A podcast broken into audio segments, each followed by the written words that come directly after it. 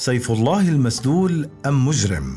صورة خالد بن الوليد بين السنة والشيعة في العام الثامن من الهجرة أسلم خالد بن الوليد بعد طول عداء للمسلمين ولم تمر شهور قلائل حتى تمكن من إثبات نفسه كواحد من أهم القادة العسكريين الذين لعبوا أدوارا مهمة في تثبيت سلطة الدولة الخلافة في شبه الجزيرة العربية وكذلك في مد التوسعات الحربية على الجبهتين العراقية والشامية. ولكن في الوقت الذي يظهر فيه ابن الوليد بشكل إيجابي في المخيال السني بوصفه قائدا عسكريا متميزا لا يشق له الغبار فإنه على النقيض من ذلك. يظهر في المخيال الشيعي بوصفه شخصية مكروهة وذلك لموقفه المعادي لعلي بن أبي طالب. سيرة ابن الوليد. ذكرت المصادر التاريخية الإسلامية الكثير من المعلومات عن شخصية خالد بن الوليد وعن الأدوار التي لعبها على الساحتين السياسية والعسكرية. ولد ابن الوليد على الأرجح قبل الهجرة بثلاثين سنة وكان أبوه الوليد بن المغيرة زعيما لعشيرة بني مخزوم القوية في قبيلة قريش. في شبابه اشتهر خالد ببراعته في فنون القتال ما ضمن له موقعا قياديا في صفوف جيش قريش وظهر ذلك في غزوة أحد في العام الثالث من الهجرة عندما تولى قيادة فرسان قريش ولعب دورا مهما في الانتصار على المسلمين. كذلك شارك مع قريش ضد المسلمين في كل من غزوة الخندق والأحزاب في العام الخامس من الهجرة وفي الحديبية في العام السادس من الهجرة. تختلف الآراء في توقيت دخول ابن الوليد في الإسلام ولكن الأشهر أنه أسلم في شهر صفر من العام الثامن للهجرة وأبرز القصص التي تحدثت عن إسلامه هي الرواية التي نقلت عنه وذكرها ابن سعد عام 230 للهجرة في كتابه الطبقات الكبير والتي تتحدث عن إسلامه مع كل من عمرو بن العاص وعثمان بن طلحة في كتابه الإصابة في تمييز الصحابة. تحدث ابن حجر العسقلاني عام 852 هجرية عن أولى المهمات العسكرية التي شارك فيها خالد تحت راية الإسلام. وهي غزوة مؤتة التي وقعت في جماد الأول في السنة الثامنة للهجرة أي بعد أقل من ثلاثة أشهر من إسلامه. في تلك المعركة تولى خالد قيادة الجيش بعد أن سقط القادة الثلاثة الذين عينهم الرسول لينظم الصفوف. وينسحب بعدها بالمسلمين إلى المدينة المنورة. اسم خالد سيظهر مرة أخرى بعد شهور معدودة وذلك في فتح مكة في رمضان من العام الثامن للهجرة عندما تولى قيادة أحد أجنحة الجيش. بعد وفاة الرسول عليه الصلاة والسلام بدأ خالد مرحلة جديدة من مسيرته العسكرية وذلك بعدما عينه الخليفة الأول أبو بكر الصديق. قائدا على أحد الجيوش التي توجهت لقتال من وصفوا وقتها بالمرتدين ليحقق مجموعة من الانتصارات المتوالية على كل من بني أسد وبني تميم ومدعي النبوة طليحة بن خويلد قبل أن يتوج جهوده بالانتصار على قوات مسيلم الكذاب. في موقعة اليمامة. وكان ابن الوليد من أهم القادة المسلمين الذين لعبوا أدوارا مهمة على مسرح التوسعات العسكرية الإسلامية المبكرة. ويذكر المؤرخون أخبار انتصاراته المبهرة على الجبهة العراقية في معارك ذات السلاسل والولجة وعين التمر كما يذكرون أخبار مشاركته الفعالة على الجبهة الشامية في كل من أجندين واليرموك. هذا فضلا عن دوره المهم في الاستيلاء على أهم مدن سوريا كحمص ودمشق على سبيل المثال. بعد وفاة أبي بكر في العام الثالث عشر من الهجرة، اسدل الستار على المسيرة القيادية لخالد.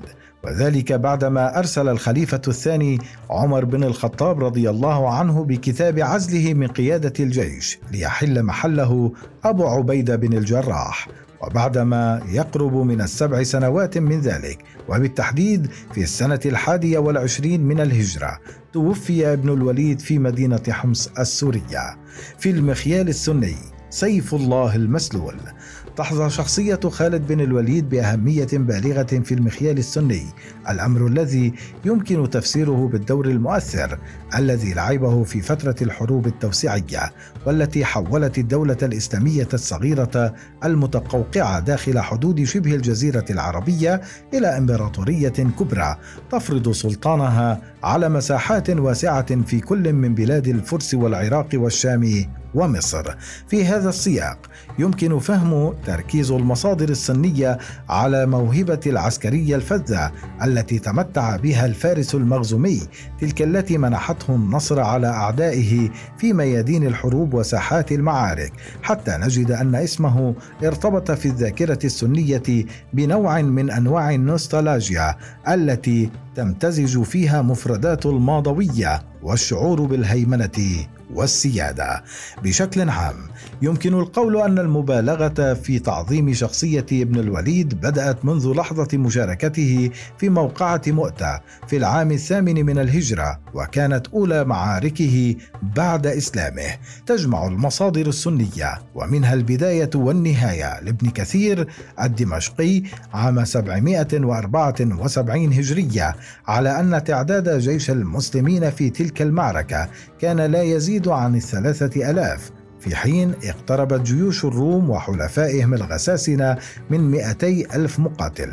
الأمر الذي يعكس الفارق الكبير في ميزان القوى العسكرية بين الجانبين.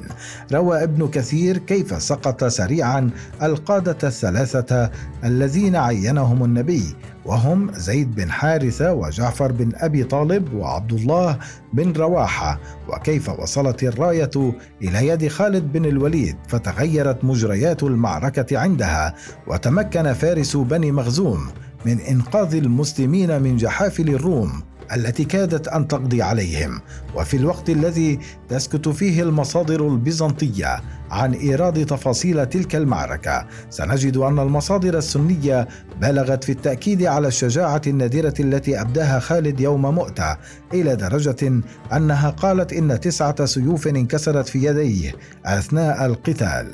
بحسب ما ورد في صحيح بخاري عام 256 هجرية كما أسهبت تلك المصادر في وصف عبقرية الخطط العسكرية التي وضعها خالد للانسحاب بالجيش بشكل آمن إلى درجة أنه لم يصب أي مقاتل من المسلمين حتى رجع الجيش كله إلى المدينة المنورة بحسب ما يروي ابن كثير. كل ذلك منح خالد لقبه الأشهر في الذاكرة السنية وهو سيف الله المسلول والذي قيل إن النبي أطلقه عليه بعد عودته من مؤتة بحسب ما ورد في مسند أحمد بن حنبل عام 241 للهجرة.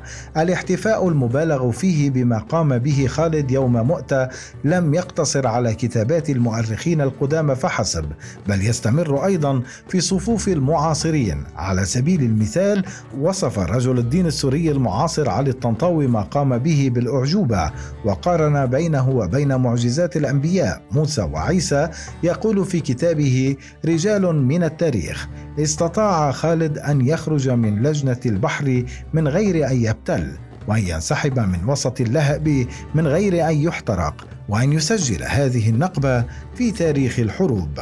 الاحتفاء السني بخالد وجد طريقه أيضا إلى الكتابات المختصة بأخبار المعجزات والكرامات والخوارق، فعلى سبيل المثال تحدث هبة الله اللالكائي تاريخ 418 هجري في كتابه شرح أصول أهل السنة والجماعة عن أن خالدا عندما قابل بعض جنوده الذين يحملون الخمر في معسكره ذات يوم دعا الله فتحول الخمر وهو بين يديهم إلى عسل أو خل.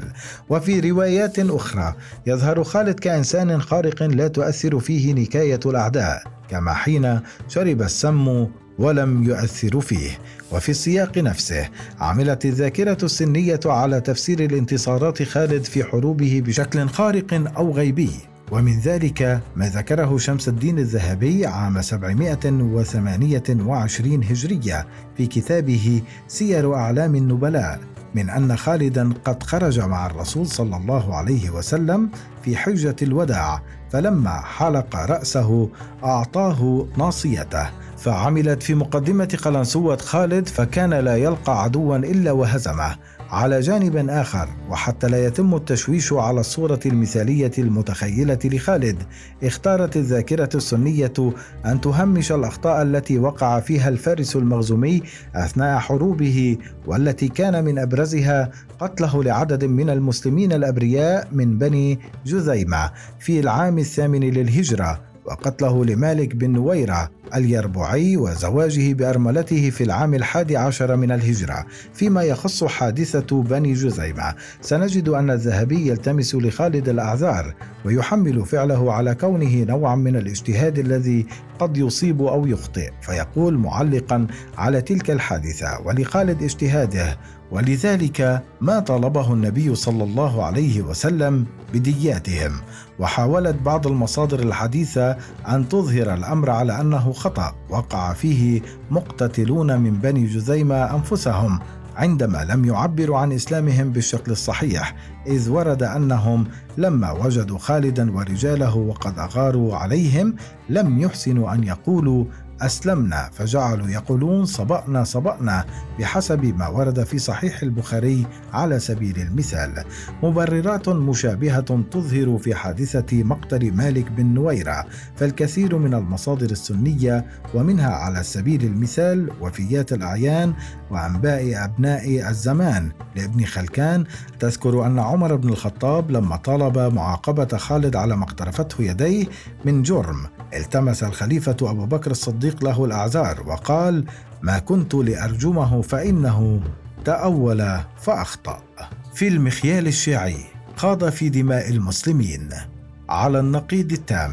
من النظرة السنية تعد شخصية خالد بن الوليد من الشخصية المكروهة على نطاق واسع في المخيال الشيعي الإمامي، الأمر الذي يمكن رده على سببين رئيسيين، أولهما هو ما أشيع عن معاداته لعلي بن أبي طالب ورفضه لتوليه منصب الخلافة، وثانيهما النظرة الشيعية السلبية للتوسعات العسكرية التي وقعت في عهود الخلفاء الثلاثة الأول. مصادر شيعية مهمة كثيرة أقحمت اسم خالد بن الوليد في بعض المواقف المؤثرة. والتي تعرض فيها رموز التشييع المبكر علي وفاطمة والحسن والحسين لما يعتبره الشيعة ظلما وعدوانا من جانب الحزب القرشي المؤيد لخلافة أبي بكر.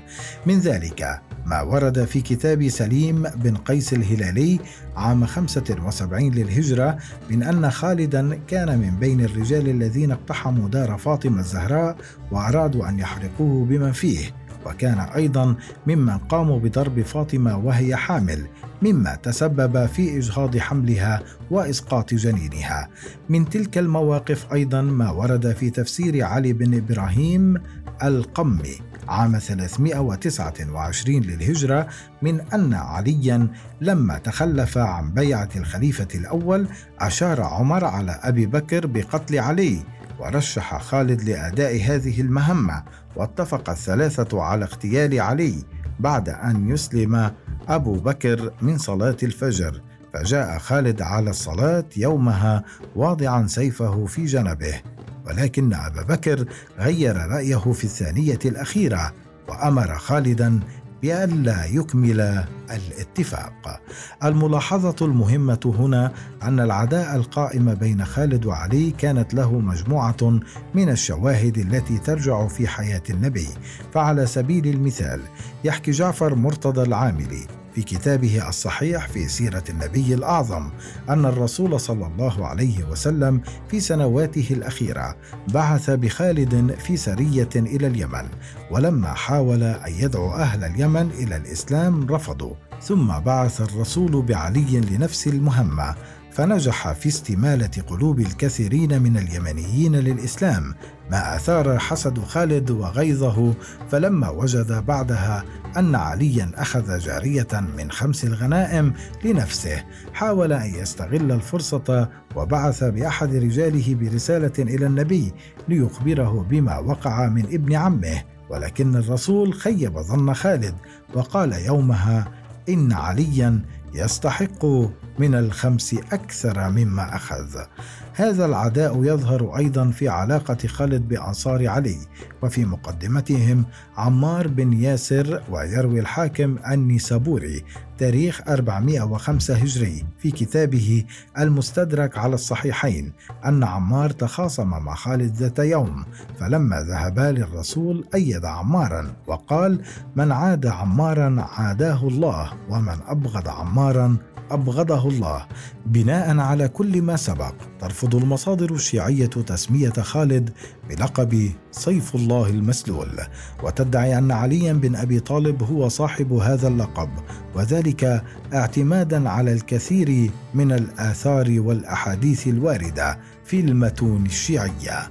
من جهة أخرى عملت المصادر الشيعية على تسليط الضوء على السقطات التي وقع فيها خالد في مسيرته العسكرية ولا سيما فيما يخص حادثتي بني جذيمة ومقتل مالك بن نويرة. ففيما يخص الحادثة الأولى أكد الشيعة أن الرسول رفض ما اقترفه خالد. وقال لما عرف بما وقع اللهم إني أبرأ إليك مما صنع خالد مرتين. أما فيما يخص الحادثة الثانية فقد عمل الشيعة على ربطها بمسألة إمامة علي بن أبي طالب. فأكدوا أن مالك بن نويرة كان من شيعة علي بن أبي طالب وأنه لم يقتل إلا دفاعا عن حق علي في الإمامة بعدما رفض تسليم صدقات قومه لأبي بكر لأنه لا يجوز دفع الزكاة إلا للإمام الشرعي المعين من قبل الله عز وجل بحسب ما يذكر الوحيد البهبهاني عام 1206 في كتابه تعليقة على منهج المقال.